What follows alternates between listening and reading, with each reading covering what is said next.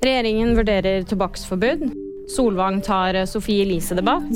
Og norsk dobbeltseier i VM.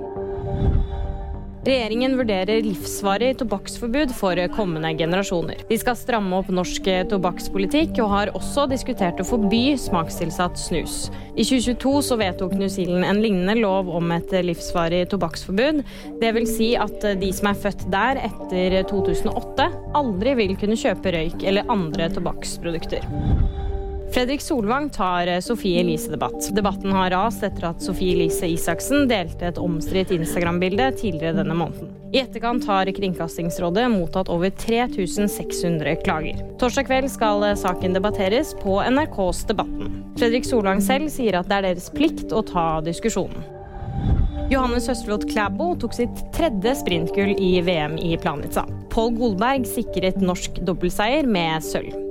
Klæbo sier til NRK at bare gull hadde vært nok, og at nå kan han kose seg videre i VM. Og VG-nyhetene de fikk du av meg, Kaja Marie Andreassen.